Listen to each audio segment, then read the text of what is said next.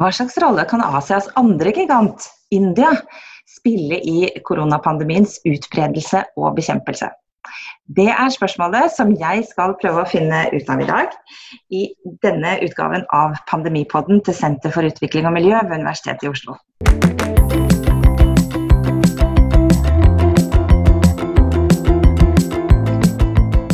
Navn er Benedicte Bull.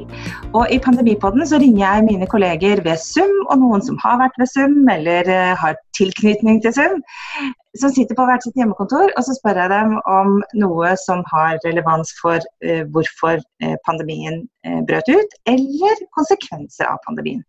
Og I dag er turen kommet til Kenneth Bo Nilsen. Han har vært mange år på SUM, men nå har de snappa han på Sosialantropologisk institutt, der han er førsteamanuensis. Men fremdeles så er han koordinator for eh, Asianettverket sammen med Arve Hansen, som vi hadde her på Pandemipodden for et par dager siden. God morgen, Kenneth. God morgen. Nå tenker jeg det er rolig og fint i huset hos dere? Å ja, veldig. Barna er tilbake på skole. Det er helt, helt tyst og stille her. Og da venter vi at eh, Sums eh, eh, publikasjonsmaskin setter, setter opp gir igjen. Men i dag skal vi snakke om det som du har forska på veldig veldig mange år, eh, India. Og det er jo, når man så bilder fra India for noen uker siden, det, det alt, man ser jo alltid folkemasser, masse mennesker sammen. Så var det vel mange som holdt pusten og tenkte liksom nå, her kommer korona virkelig til å slås til. Men det ser jo ut eh, som det er sånn tålelig under kontroll. Hva er din vurdering av situasjonen akkurat nå? Ja, ser man på de offisielle tallene, så ser det ganske bra ut. Eh, jeg sjekka rett før vi eh, satte i gang med denne samtalen, og da var man oppe på rundt Øh, 30 000 øh, bekræftede smittetilfælde og rundt øh, 1000 dødsfald. Og i et land med 1,3 milliarder indbyggere, der er det vældig små tal. Så på den måde ser det vældig bra ud.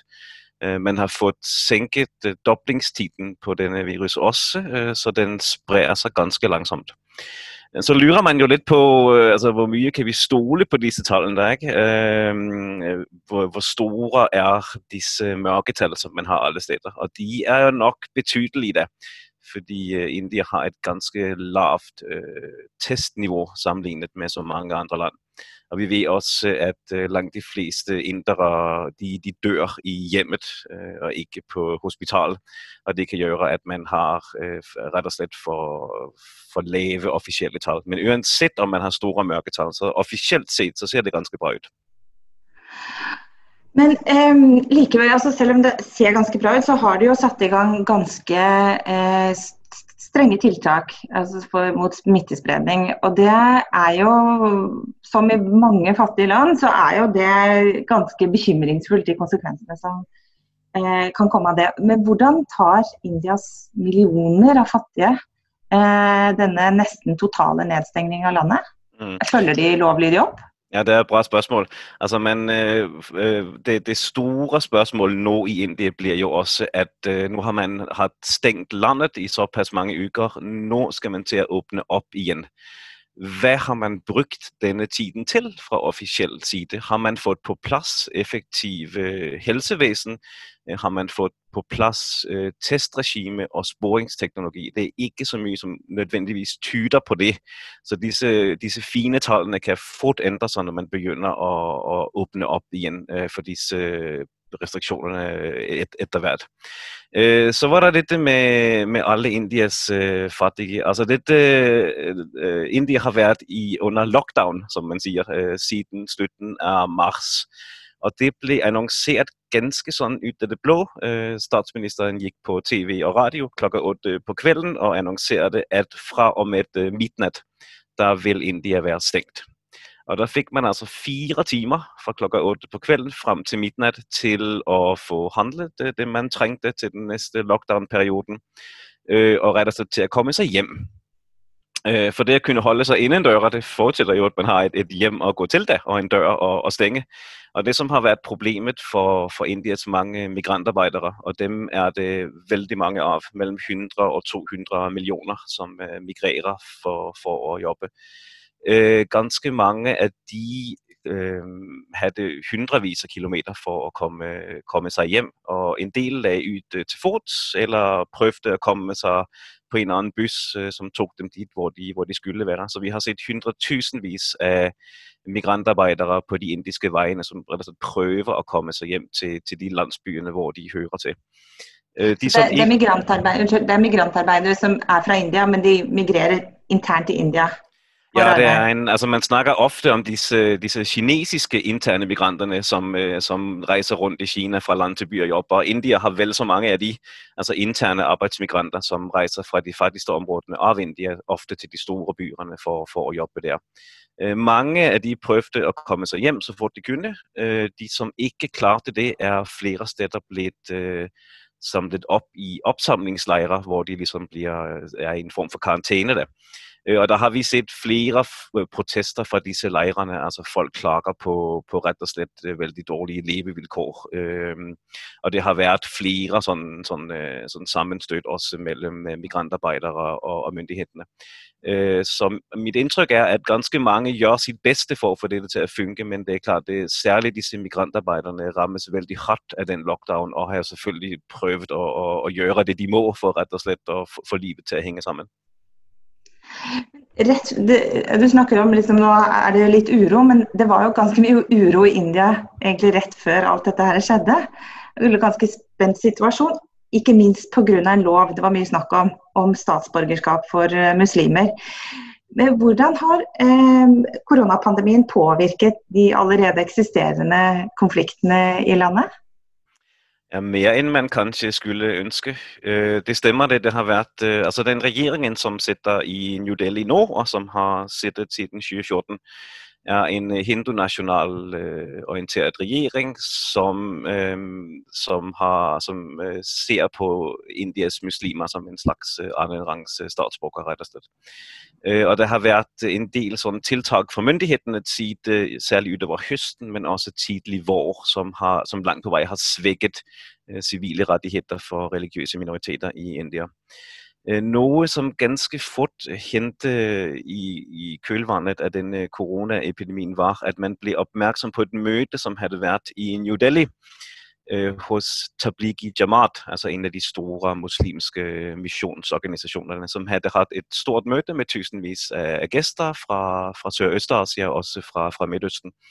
Øh, det, var i tidlig mars, altså før man begyndte på disse formelle lockdown-tiltakene. Øh, så man senere fundet ud, at der på det møde formentlig har været indtil flere personer, som har været øh, smittet med corona. Så det Tablighi Jamaat-møde i Delhi har på en måde, øh, det har været en, en, en kraftig spredning på det møde øh, blandt øh, deltagerne, mener man. Øh, men det er jo ikke, altså det er jo ganske vanligt, at, at øh, religiøse grupper har store forsamlinger på tusindvis af mennesker i India øh, året rundt. Øh, så det var ikke noget øh, sådan odiøst i, at Tablighi Jamaat havde øh, et sådan møde på den tiden. Men der har kommet en, en spin på det i etterkant, som har været tydelig antimuslimsk. Og jeg hørte også at det ble spredt en del sånne falske nyheter rundt akkurat det med muslimer. Og det er En ting som er litt interessant som jeg har blitt gjort oppmerksom på tidligere, det er bruken av eh, WhatsApp i India, som ligner ganske mye på det vi ser i Latin-Amerika. og at det er en, eh, at Via WhatsApp-meldinger så spres det selvfølgelig mye, det er mye vanlig kontakt, men også veldig mye falske nyheter. Hvordan har det vært nå i India under koronapandemien? Ja, det stemmer. Øh, WhatsApp øh, og andre sociale medier er øh, veldig vigtig sådan, politisk platform i Indien. Altså, det bruges veldig aktivt til at sprede synspunkter og, og holdninger og, og rett og slett falske nyheder. Altså en hashtag som, som har eksploderet i kjølvannet på dette med Tablighi Jamaat, var uh, corona jihad. Altså at, øh, at det, det skulle være en sådan øh, strategi fra muslimsk hold til at, at angribe India med coronavirus for at svække India som, som hindu-nation. Øh, der har været andre sådanne hashtags øh, tidligere. For et par år siden var det en hashtag, som hed Love Jihad, øh, Øh, altså kærlighedsjihad, ikke? at det var unge muslimske mænd, som prøvede at forføre uskyldige hindu-kvinder til at gifte sig med dem, og så konvertere til islam. Så, så den Tablighi Jamaat-møde har på en måde øh, ført til, at denne hashtag med, med corona-jihad pludselig, pludselig florerer. Og det har været flere sånne falske videoklipp med øh, muslimer, som efter sine skulle gå på, på basaren og, og spytte på, på frygt og grønt, ikke sådan for på den måde at sprede den øh, coronavirus hos øh, uskyldige øh, hinduer. Så har myndighederne også litt uforvarende kanskje bidraget til det her, fordi når man præsenterer de officielle tallene for antal øh, smittede personer i Indien med corona, der har man en egen sådan officiel øh, kolonne Øh, hvor man har sporet folk, som har vært på det Tablighi Jamaat-møde i Delhi, og som etter hvert har rejst andre steder i India, og hvor mange af de er smittet der. Så man har også fra offisielt hold på en måte øh, præsenteret dette som, øh, som øh, at det har en, en sånn muslimsk dimensjon på en eller annen måte. Men eh, altså India har jo vi snakket om at det er mange eh, hundre eh, millioner fattige i, i India. men det har jo skjedd på tross av en ganske rivende økonomisk vekst og økonomisk utvikling de siste årene. Hvordan tror du koronapandemien kommer til å påvirke fattigdomsutviklingen i India? Ja, det, det, er det jo på en måte the million dollar question. Altså Hvordan vil det slå ut uh, i lengden? Uh, Ifølge, verden, ifølge FN så hadde man øh, for et par år siden 370 millioner indere i det man kalder multidimensionel fattigdom. Altså hvor man måler fattigdom på andet end bare øh, økonomi. Øh, det var en halvering siden 2005-2006, hvor man hadde 640 øh, millioner øh, fattige indre. Så man har på ganske kort tid fått løftet øh, i alle fall 300 millioner indre ut af, af fattigdom. Men det er jo klart, de er jo ikke blitt løftet opp i middelklassen, disse tidligere fattige inderne. De er vel så vidt løftet opp over fattigdomsgrensen. der. Så i tillæg til de som allerede er fattige, da har man en vældig stor gruppe indere som lever over fattigdomsgrænsen, but not by much. Og der skal ikke så mye til før, før disse øh, personerne kan falde ned under fattigdomsgrænsen igen. Altså Vanligvis siger man øh, en alvorlig sygdom i familien eller Øh, et stort bryllup kan være nok til at en familie på en måte må, må bruge de pengene de har for å holde, holde seg flytende. Øhm, på en måte er det, det denne corona en litt sådan triple whammy for indisk økonomi. Øh, indisk økonomi var dårlig før corona kom. Veksten var lav og utsiktene var ikke spesielt gode. Så kommer der denne coronavirus, som jo rammer disse flere hundre millioner migrantarbeiderne veldig hardt.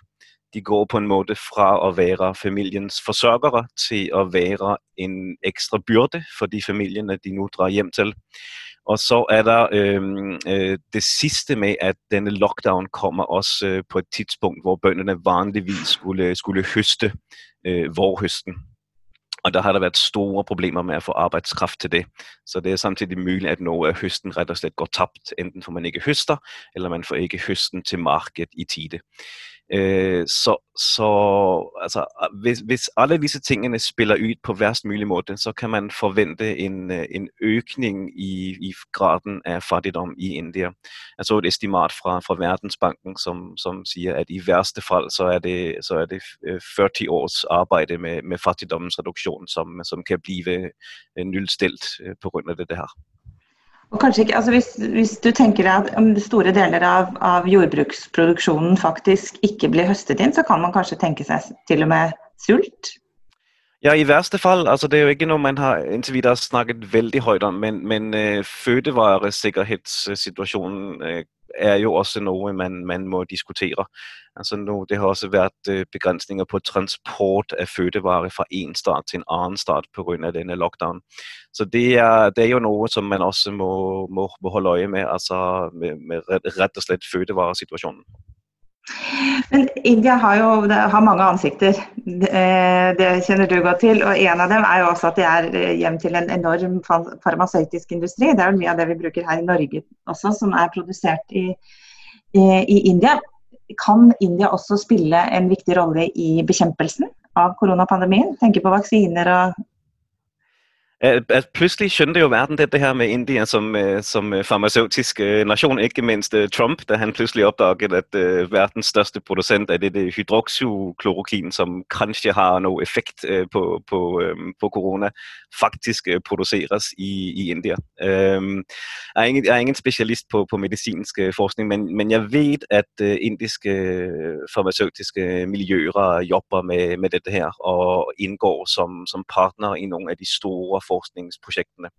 Altså de førende miljøer på dette her er jo sikkert fortsat i USA og, og delvis i, i Kina og kanskje i, i Japan. Øh, men India har en kompetence på dette her, som jeg tænker er, kan være nyttig. Så er de også, øh, altså India er verdens største øh, vaccineproducent, hvis man måler i antal øh, doser, som, øh, som produceres. Og så producerer de Øh, ekstremt billigt. Så det man kan tænke sig er, at når og hvis en vaccine er klar, så er det vil, vil, øh, vil India med sin produktionskapacitet være et, øh, et vigtigt produktionsland og et vigtigt eksportland for denne her vaccine. Det var jo det er godt å høre, og kanskje kan drive tilbake på sporet igjen når alt dette her er over en dag. Um, tusen takk, Kenneth. Ja, tusen takk. Veldig hyggelig å prate med deg. Hej da. Ja, hej det.